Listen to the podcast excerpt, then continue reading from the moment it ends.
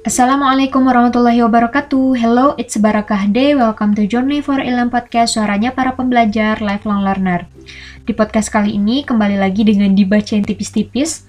Mungkin ini buku terakhir yang dibacain tipis-tipis di tahun ini yang berjudul Andai Sel-Sel Dalam Tubuhmu Berbicara. Kalau dari judulnya aja udah menarik ya, dan inilah judul yang sering mampir di timeline Twitter dan akhirnya aku memutuskan untuk mencari tahunya karena kepo ini akhirnya pergi ke Google Playbook terus ngelihat tuh andai sel-sel dalam tubuhmu berbicara ada dan harganya itu lebih affordable dari buku fisik ketika melihat sampel bukunya menarik dan akhirnya memutuskan untuk membeli. Buku ini ditulis oleh seorang nurse, seorang perawat yang kalau ingat-ingat perawat itu nggak bisa dipisahkan dari masa kecil aku karena aku menghabiskan masa kecil di vaskes tingkat pertama yaitu puskesmas main-main di sana bukan sebagai pasien dan pekerja tapi main-main aja karena orang tuaku juga perawat dulu. Dan buku ini ditulis juga oleh seorang perawat bernama Rizaldo. Kalau ngelihat di awal buku ini udah kelihatan kredibel ya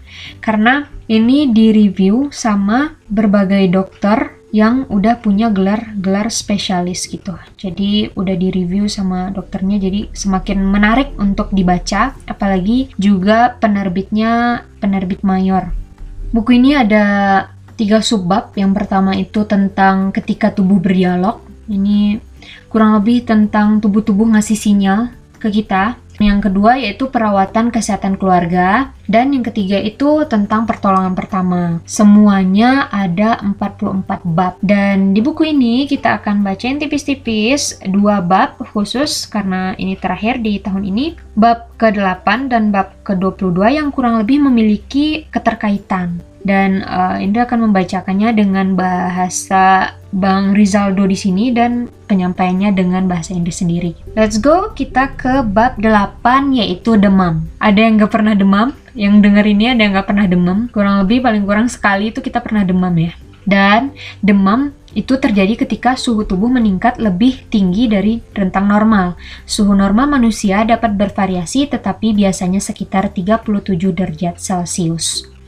Demam bukan penyakit, melainkan tanda bahwa tubuh sedang berusaha melawan penyakit atau infeksi karena sebagian besar demam disebabkan oleh adanya infeksi. Kita bisa mengalami demam karena tubuh berusaha membunuh virus atau bakteri yang menyebabkan infeksi. Jadi ternyata demam ini bukan penyakit ya. Dan ketika suhu kita 36-an itu masih normal, 37 ini tanda-tanda lagi demam.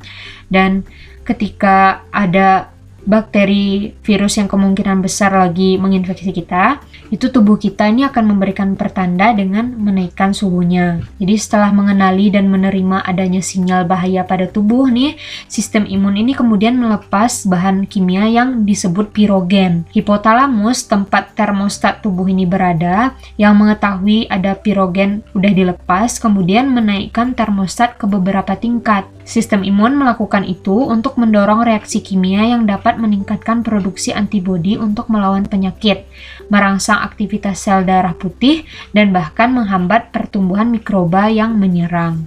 Dan demam ini juga kadang nggak bisa dipisahkan dari menggigil. Mungkin kita ketika demam itu pernah menggigil ya, padahal kita suhu kita naik tapi eh rasanya tuh dingin gitu, menggigil sampai menggigil. Dan sebagian orang tuh bahkan ngerasanya tuh malah menggigilnya dibanding suhunya yang lagi naik gitu. Jadi normalnya patogen atau parasit yang akan menjadi penyakit ini akan kesulitan bertahan ketika masuk ke tubuh karena kecerdasan sistem imun kita. Namun, beberapa patogen dapat bertahan sehingga otak tidak punya pilihan lain selain meningkatkan suhu tubuh kita. Pada titik ini, kamu akan merasakan meriang karena suhumu berangsur-angsur naik. Jadi kenapa kita suhu kita naik itu karena sinyal buat tetap melawan si patogen ini gitu. Jadi ketika suhu kita itu baru naik, yang perlu kita lakukan adalah mengecek suhu berapa dengan termometer untuk mengamati kenaikannya. Karena terkadang ini juga merupakan sebuah pertanda baik. Jadi nggak perlu terburu-buru untuk minum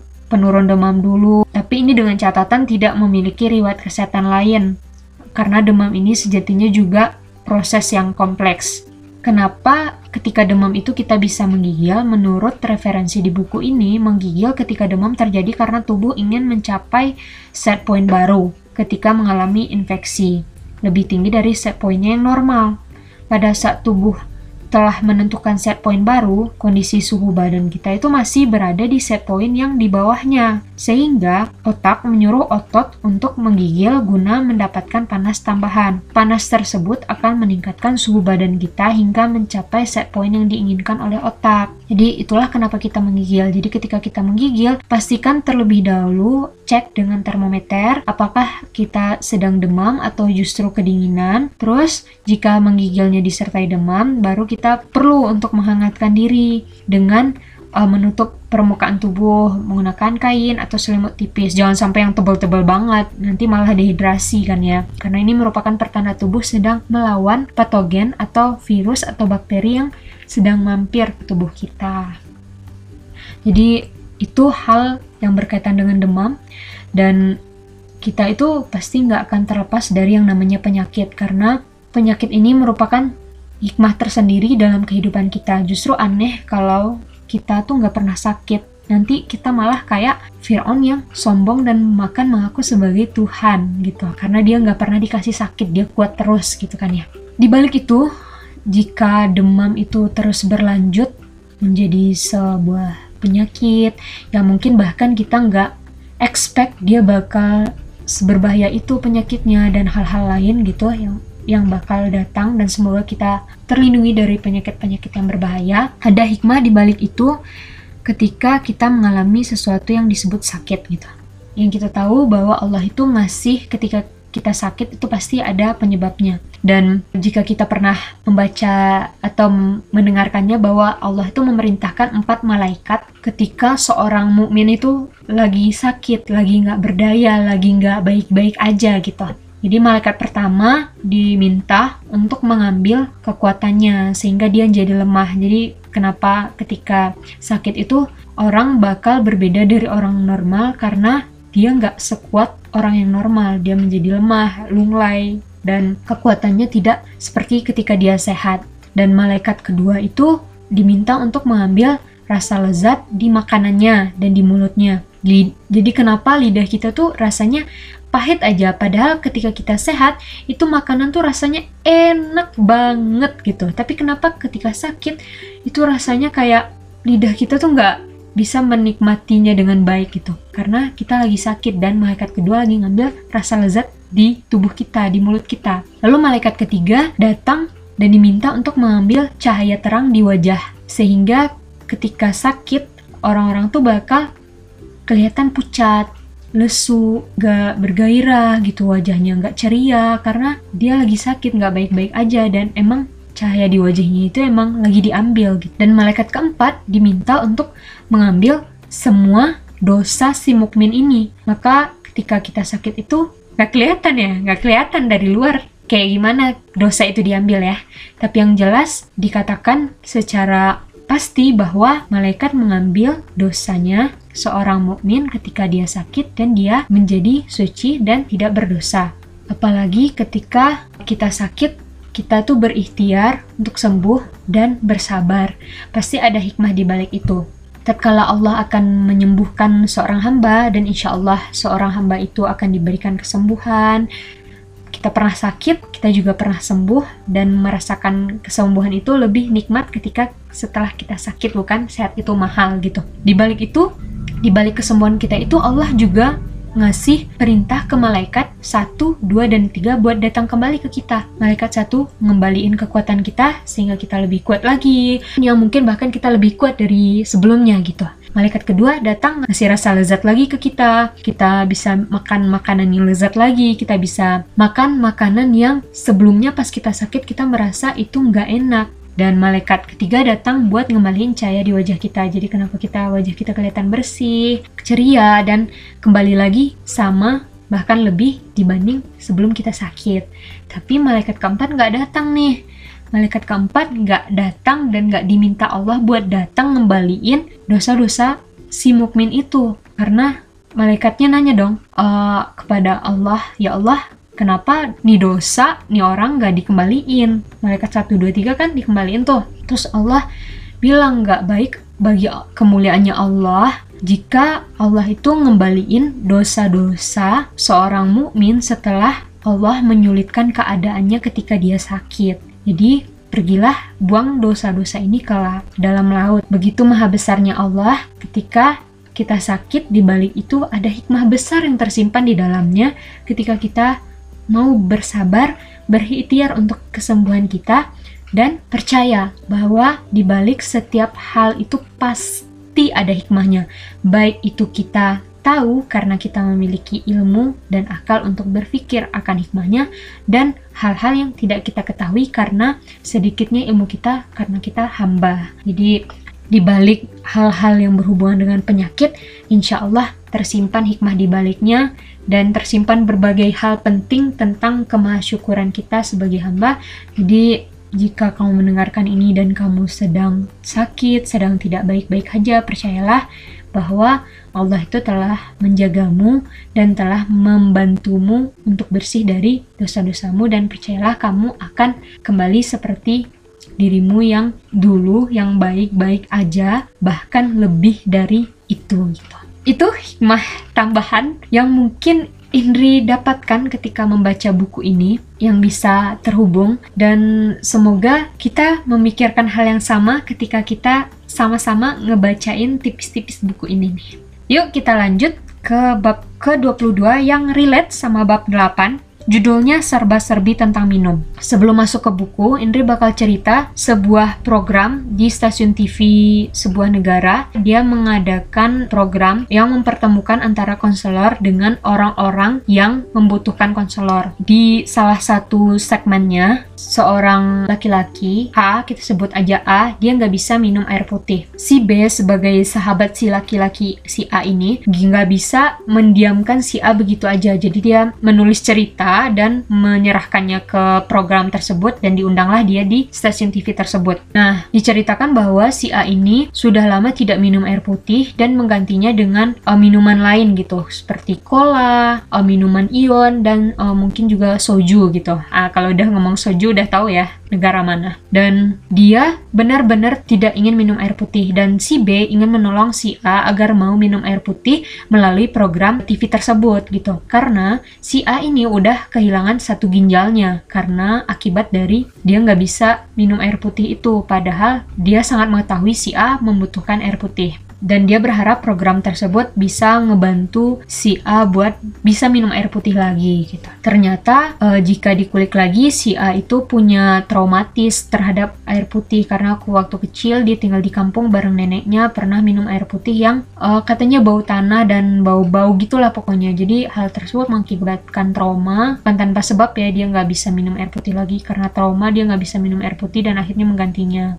Dan di program tersebut dia berharap si A ini bisa dibantu untuk menghilangkan traumanya tersebut. Nah, di balik kisah si A tersebut dan program konselor tersebut, kita bisa mengambil ibrah bahwa air putih ini penting buat tubuh. Buktinya, si A sering minum pengganti air putih, tapi ternyata berakibat ke ginjalnya dia. Di sini di bab 22, penulis menulis tentang serba-serbi tentang air serba-serbi tentang minum. Jadi dia menceritakan air merupakan hal vital dalam menunjang proses kehidupan dan hidrasi adalah bagian dari prioritas utama dari tubuh. Namun banyak yang belum paham pentingnya dan bagaimana cara melakukannya dengan benar. Kesalahan bisa menjadi hal yang merugikan. Kayak si kisah si A tadi bukan? Lalu apa alasan kita harus minum banyak? Sebenarnya upaya pemenuhan cairan bukan dengan banyak-banyakan minum, karena jika kebanyakan pasti dibuang juga. Kamu mungkin pernah beser karena terlalu banyak minum. Lalu pernah mendengar ungkapan yang menyebutkan bahwa lebih baik bolak-balik kamar mandi karena banyak minum daripada tidak bisa minum karena gagal ginjal. Ungkapan tersebut tidak salah, tetapi tidak sepenuhnya benar. Tujuan tubuh kita membutuhkan cairan adalah menjaga homeostatis cairan tubuh. Homeostatis adalah proses yang dilakukan makhluk hidup untuk mempertahankan kondisi konstan atau keseimbangan tubuh agar dapat berfungsi dengan normal dan optimal. Jadi kenapa jumlah air yang ada di dalam tubuh itu perlu dikontrol melalui osmoregulasi dan perilaku. Dengan proses tersebut, konsentrasi elektrolit, garam dalam larutan dalam berbagai cairan tubuh dapat disimpan dalam rentang yang normal dan dan sehat. Jadi itu kenapa kita butuh minum. Pada umumnya manusia itu membutuhkan setidaknya 2-3 liter per hari. Meskipun kebutuhan cairan tiap orang itu berbeda-beda, membagi menjadi 8 gelas air putih setiap hari akan membantu minum itu lebih teratur. Jadi ada beberapa rumus untuk menghitung cairan yang dibutuhkan oleh tubuh per harinya yang ditulis dalam buku ini. Dan juga ada aplikasi yang menunjukkan berat badan kita berapa, tinggi kita berapa, dan kebutuhan air kita berapa juga sudah ada di beberapa aplikasi online dan situs-situs online yang bisa kita cari masing-masingnya. Dan contohnya ditulis di sini kayak dari Kementerian Kesehatan itu berat badan 45 kg itu butuh 1,9 liter dan berlanjut di uh, berat-berat badan selanjutnya itu membutuhkan takaran air minum yang berbeda. Ada beberapa yang perlu diperhatikan ketika kita ingin mengetahui serba-serbi tentang minum. Yang pertama, kita ketika kita bangun tidur jangan lupa untuk mengambil segelas air sejuk dan kita meminumnya. Nggak perlu nunggu uh, sikat gigi dulu untuk minum itu untuk membantu cairan tubuh.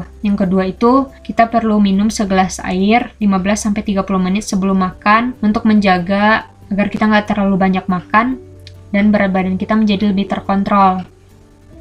Yang ketiga, kita bisa minum terlebih dahulu sebelum kita berolahraga dan minum lagi setelah kita olahraga. Dan jangan sampai kita minum terlalu cepat begitu selesai berolahraga karena bisa mengakibatkan kram perut dan jangan minum terlalu banyak selama berolahraga karena kita nanti bakal kecapean. Uh, takaran minumnya itu sejauh bisa membasahi bibir dan kerongkongan saja gak keset gitu kerongkongan kita ya. Yang keempat itu banyak minum saat sakit. Nah ini relate ya sama bab 8 tadi ketika demam itu butuh cairan dan kita juga butuh minum ketika sakit. Yang kelima jangan lupa minum sebelum tidur dan ini sangat baik agar menjaga hidrasi tubuh kita selama terlelap dan pastikan bat ada batasannya ketika kita minum itu apabila kita memiliki gangguan tidur atau beser gitu. Diharapkan 1 sampai 2 jam sebelum tidur. Dan gimana kalau kita nggak suka minum? Ada ya orang yang nggak suka minum? Ada kayaknya. Itu buktinya kayak si A tadi terlepas dari trauma dia tapi dia tidak menyukai minum air putih gitu. Jadi ketika kita termasuk orang yang tidak suka minum air putih, terlepas itu dari trauma, itu perlu untuk bantuan uh, pihak lain ya seperti orang-orang yang expert di bidangnya. Tapi jika itu tidak dari trauma, paksa dan mulai untuk bisa minum air sesuai dengan takaran tubuh kita. Yang kedua, cari tahu kebutuhan kita. Kita berat badan kita segini nih dan berapa ya kebutuhan cairan kita untuk bisa menjaga tubuh kita agar tetap terhidrasi. Yang ketiga, tentukan batas toleransi minum jangan sampai nanti banyak-banyakan minum malah berakibat fatal gitu malah. Mual pusing dan sebagainya. Yang keempat itu biarlah minum sedikit-sedikit tapi sering. Terus kalau bisa unduh aplikasi pengingat minum atau kita constraint kita apa gitu. Kayak misalkan males ngambil minum gitu. Pakai tumbler. Bahkan sekarang ada yang jual tumbler 2 liter itu loh. Botol minum yang 2 liter yang bisa ada takarannya gitu. Ada takarannya 2 liter. Ini pagi udah habis berapa dan sebagainya di uh, botolnya itu dan itu sangat membantu bagi orang-orang yang sulit minum. Jadi nggak ada rugi ruginya kalau kita mau untuk membiasakan minum air putih dan hidup sehat gitu karena di balik tubuh yang buat itu pasti ada ikhtiar di dalamnya dan pertolongan Allah. Ya semoga kita mampu menjadi muslim yang tidak hanya memiliki ilmu akan itu tapi juga melakukannya dan berusaha untuk menjadi mukmin yang kuat. Mungkin itu di balik buku Andai Sel-Sel Dalam Tubuhmu Berbicara dibaca yang tipis-tipis kali ini. Dan jika ingin membacanya lebih lanjut, silahkan mau baca buku fisiknya atau cek e-booknya di Google Play Store. Dan yang berbicara tidak lebih baik dari yang mendengarkan. Sampai jumpa di podcast selanjutnya. Wassalamualaikum warahmatullahi wabarakatuh.